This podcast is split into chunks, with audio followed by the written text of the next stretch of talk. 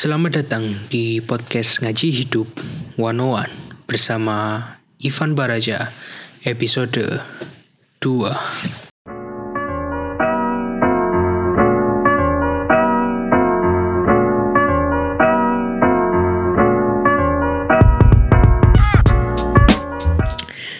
Oke kawan-kawan semua, jadi di episode podcast yang kedua ini saya ingin membahas topik yaitu mencoba menikmati hidup.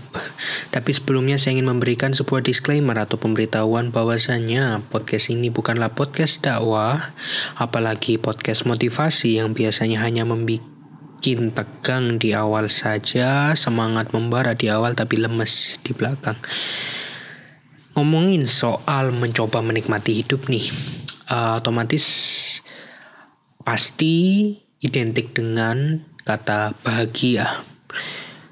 Dan bahagia sendiri merupakan sebuah kata yang mudah diucapkan tapi sulit untuk diterapkan. Mengingat bahagia sendiri adalah konsep yang abstrak dan subjektif setiap orang.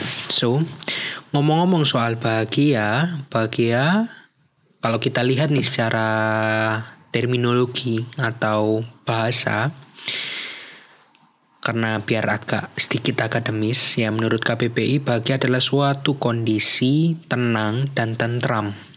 Dalam tanda kurung bebas dari keadaan yang menyusahkan.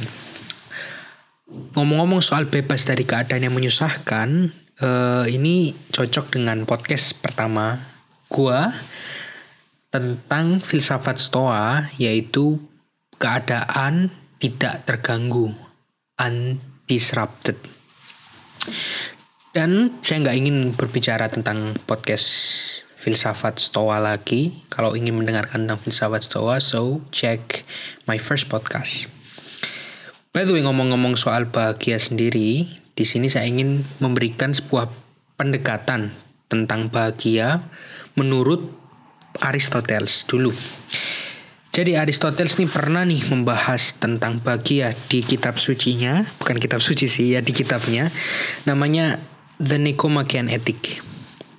Di kitab ini Aristoteles uh, berbicara. Intinya kalau saya pahami itu bahagia itu sebuah konsep bukan tentang akibat atau result hasil dari bahagia itu tapi sebab yang menjadikan kamu bahagia itu yang penting. Jadi kalau eh, diambil garis lurus bahagia sendiri itu sekunder.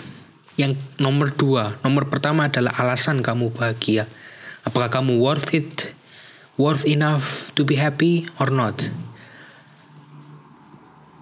Gua kasih contoh nih, contoh yang paling mudah yaitu misal famous terkenal Instagram followersnya jutaan atau YouTube followers I mean subscribernya miliaran jutaan 5 juta subscriber misal. Uh, apakah terkenal ini yang menjadikan kamu bahagia atau hal yang lain dan di sini kalau kita pakai pendekatan dari The Nicomachean Ethic, terkenal ini bukan yang bikin bahagia sebenarnya. Ini hanya sekunder output hasil dari sebab. Karena tidak semua famous itu worth enough to be acknowledged. Tidak semua keterkenalan itu membuat kamu bahagia. Maksudnya gimana? Contoh nih lo terkenal karena nakal di sekolah atau lu terkenal kayak kasus yang di United Kingdom nih karena kejahatan. Otomatis itu nggak bikin kamu bahagia kan? Atau kamu terkenal karena jadi fuckboy jadi pelakor.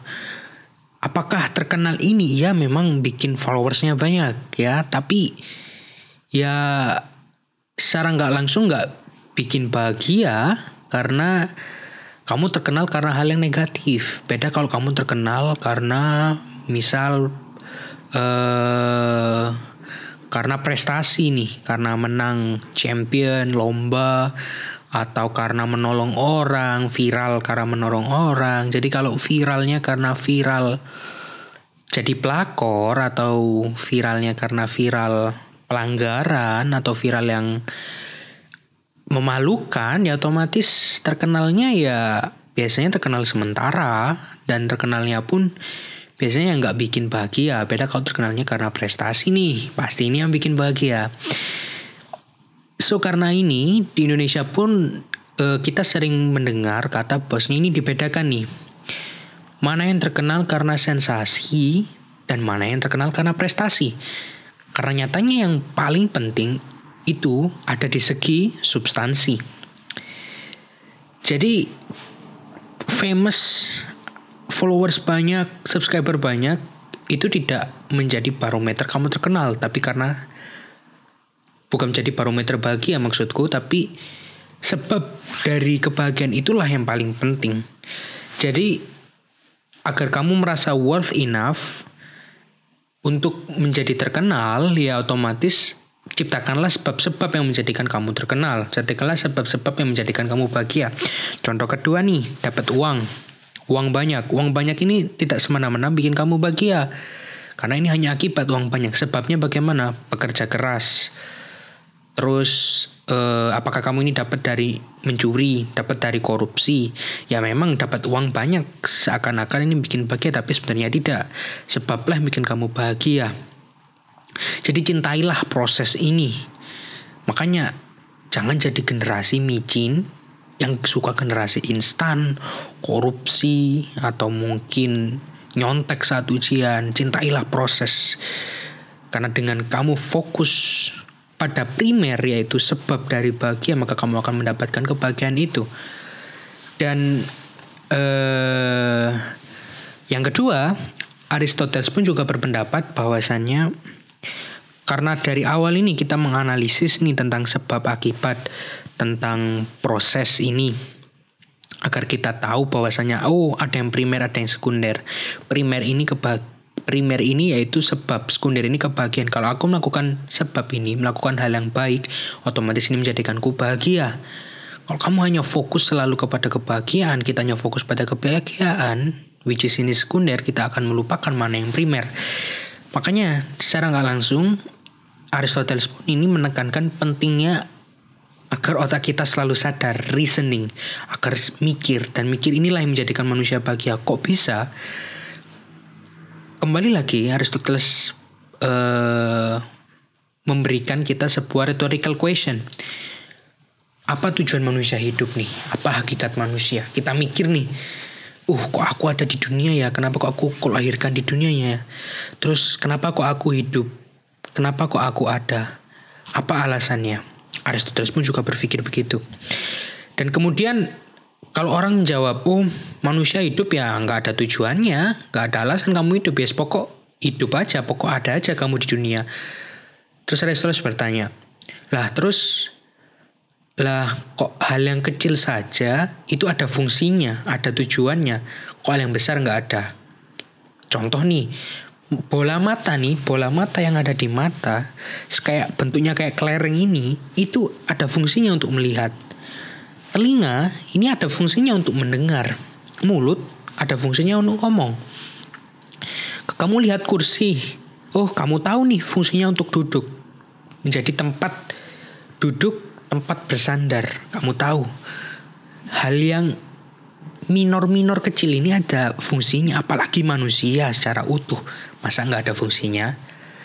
Oh, terus otomatis kita ini kan mau mikir lah ya ya Wong mata aja ada fungsinya untuk melihat, telinga ada fungsinya. Ini hal yang spesifik dari manusia aja ada fungsinya, apalagi secara utuh pasti ada fungsinya. Dan setelah ditarik benang merah, apa yang menjadikan kita berbeda dengan makhluk lain? Yaitu reasoning tadi, mikir tadi. Kalau hewan itu nggak bisa mikir, tumbuhan, tidak ada reasoning, tidak ada akal. Jadi pas saja nih, ini seirama nih dengan konsep yang ada di Islam. Di Islam pun disebutkan bahwasanya wa ma khalaqtul jinna wal insa illa. Bahwasanya Gusti Allah tidak menciptakan manusia dan jin kecuali untuk beribadah. Dan saya melihat konteks beribadah ini bukan hanya sekedar beribadah yang jengkulitan saja, enggak, tapi ada reasoning di dalamnya, ada mikirnya di dalamnya. Kenapa kok bisa gitu? Karena dalam uh, Islamic culture, dalam budaya Islam, dalam literatur ilmiah dalam Islam, itu lebih luas daripada literatur ilmiah Barat. Dalam segi epistemologi, contohnya epistemologi yaitu kalau dalam uh, logic epistemologi itu adalah why you get knowledge uh, bagaimana kamu mendapatkan ilmu. Jadi gabungannya ontologi, epistemologi dan metodologi. Kalau kalau ontologi adalah what is exist, apa yang nyata. Epistemologi adalah bagaimana mendapatkan ilmu dan metodologi adalah cara metode untuk mendapatkan ilmu tersebut. Ngomongin soal epistemologi nih, kebanyakan di literatur pada umumnya, apalagi literatur di kampus universitas pada umumnya itu hanya either idealis atau rationalis atau positivis materialis. Kok bisa gitu? Entah dia hanya menggunakan reasoning atau kalau kata Immanuel Kant adalah a priori hanya menggunakan reasoningnya saja, mikir saja atau ini metode yang digunakan oleh idealis, rationalis atau hanya menggunakan sense perception lima indera saja panca indera atau a posteriori ini yang digunakan oleh positivis. Nah di Islam ini gabungan dari dua-duanya malah ditambahi satu lagi. Sebagaimana di ilmu kalam ada di kitab nih namanya aku itu Nasafi ini rujukannya madhab Maturidi biasanya. Wa asbabul ilmi thalathatun wa asbabul ilmi lil khalqi thalathatun al hawasus salimah al khabarus sadiq wal akal. Jadi sebab-sebab cara epistemologi untuk mendapatkan ilmu bagi manusia itu ada tiga. Pertama, sense perception atau panca indera. A posteriori. Kemudian akal, reasoning. Mikir, otak atau a priori. Dan yang ketiga, khobarusodik atau revelation, wahyu. Jadi lebih luas nih pendekatannya. Lah, untuk bahagia pun kita butuh nih otomatis melihat cara epistemologi mendapatkan bahagia menggunakan sense perception, panca indera, menggunakan otak, diproses di pikiran dan juga menggunakan dalil wahyu. Menggunakan wahyu kita tahu fungsinya untuk ibadah. Kalau menggunakan uh, otak kita tahu nih mikir, oh kalau aku minum teh aku bisa bahagia. Dan menggunakan sense perception, menggunakan panca indera, dirasakan teh ini. Kemudian kamu pikir, oh ini ya bisa membuat bahagia. Kemudian juga kita tambahi lagi dengan ibadah mungkin atau dengan puasa sehingga kita mendapatkan kesenangan tersendiri mungkin setiap orang ya subjektif kembali lagi berbeda-beda tapi inilah pentingnya reasoning Pentingnya tahu nih sebagaimana saya sebutkan tadi sebab akibat dari bahagia itu. Bahagia itu hanya akibat, hanya output. Sebab yang mendapat kamu bahagia itu apa? Itu memang agak susah awalnya, tapi secara langsung kamu akan mendapatkan kebahagiaan ini nantinya, gitu. Dan begitu pintengnya reasoning, begitu pentingnya reasoning, banyak nih salah satunya kata mutiara. Uh, atau quotes ini bait-bait kasidah dalam bahasa Arab dalam kitab Unwanul Hikam Abil Fattah Al-Busti. Beliau mengendikan, beliau dawuh berbicara, Ya khodimal jismi kam tashko bi khidmatihi. Atatlubur ribha fima fihi khusronu. Akbil ala nafsi wastakmil fadailaha fa anta bin nafsi la bil jismi insanu. Wahai budak dari tubuh atau manusia. Sudah berapa banyak kamu mengeksploitasi tubuhmu dan apakah kamu hanya mencari untuk eksploitasi ini kepada suatu keuntungan yang sebenarnya ini merugikan? Apa itu keuntungan yang merugikan?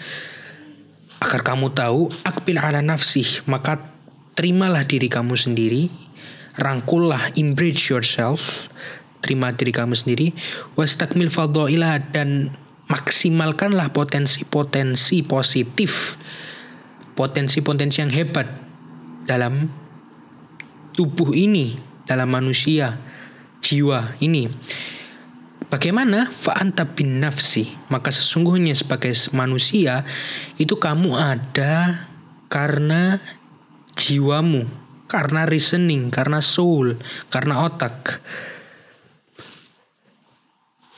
La bil jismi, bukan karena tubuh. Karena apa? Karena kalau hewan ini ada nih paru-paru ada, otak ada, eh, liver ada, ginjal ada, tulang ada. Yang nggak ada apa? Reasoning mikir. Lah, mikir inilah privilege yang dimiliki oleh manusia. Yang oleh karenanya kita sebagai manusia merupakan makhluk yang tertinggi salah satunya esensinya ketimbang makhluk lain karena privilege mikir ini, reasoning ini. Jadi harus dimaksimalkan.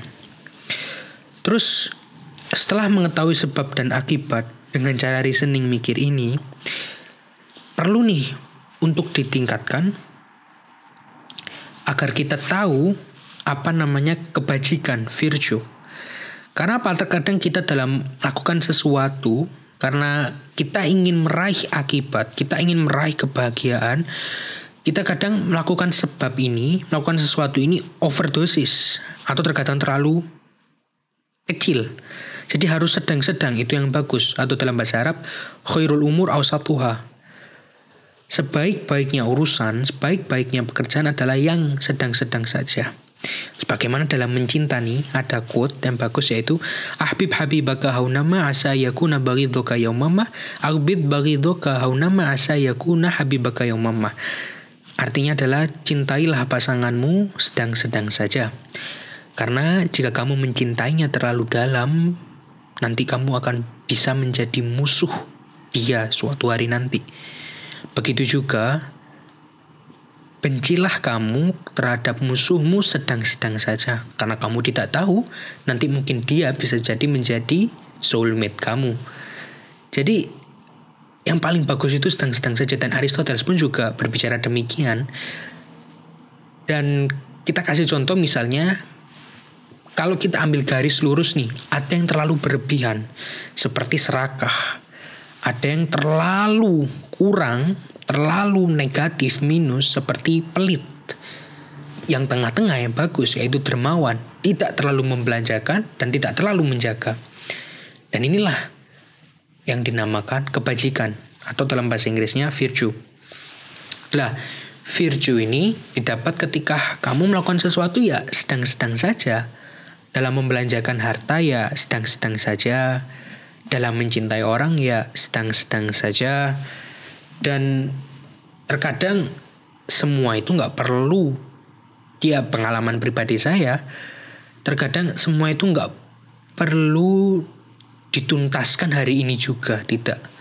Terkadang procrastinating menunda-nunda itu baik selama procrastinatingnya ini jelas kapan dilakukannya.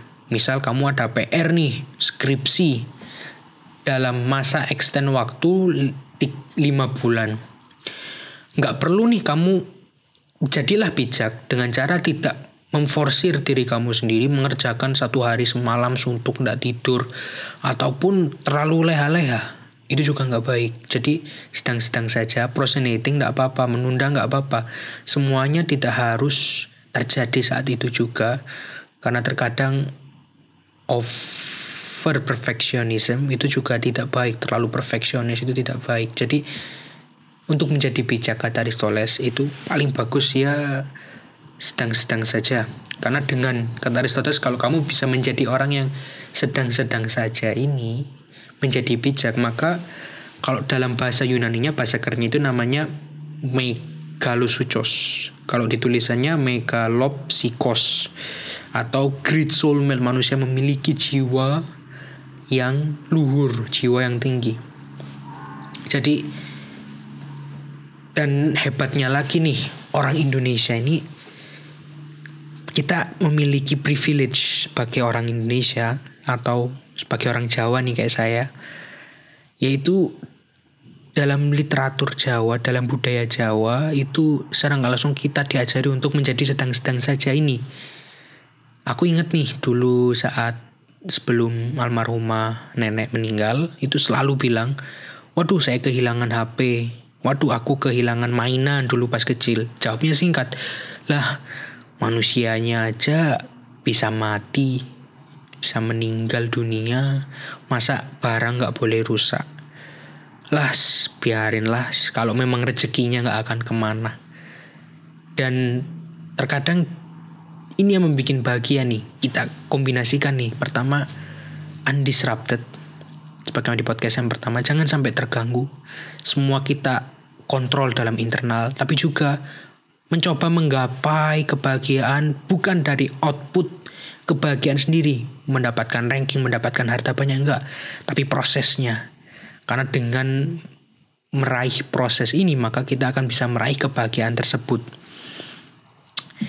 Jadi sungguh hebat nih orang Jawa, santri nih hebat. Kita lihat nih banyak nih orang-orang bagi teman-teman kita mungkin utangnya banyak atau mungkin uh, masalahnya banyak habis putus sama pacar tapi kok masih bisa aja ngopi rokokan sawan tes kayak nggak ada masalah ya kehidupan santuy ini emang bagus karena bisa membuat kita bahagia. Tapi terkadang terlalu santuy juga nggak bagus. Jadi ya sedang-sedang saja ya. Santuy santuy tapi jangan terlalu memforsir juga ya. Santuy sersan lah. Serius tapi santuy. Ya yes, jadilah generasi sersan serius tapi santuy. Itulah paling penting. Jadi poin dari podcast ini tiga poin. Poin pertama bahagia itu dicapai dengan memaksimalkan alasan kita berbahagia sebab karena bahagia itu hanya sekunder hanya nomor dua. Nomor pertama adalah sebab kita bahagia. Dicapai dengan kita selalu mikir memaksimalkan reasoning memaksimalkan akal dan tentunya ditambahi lagi dengan melakukan itu jangan terlalu berlebihan.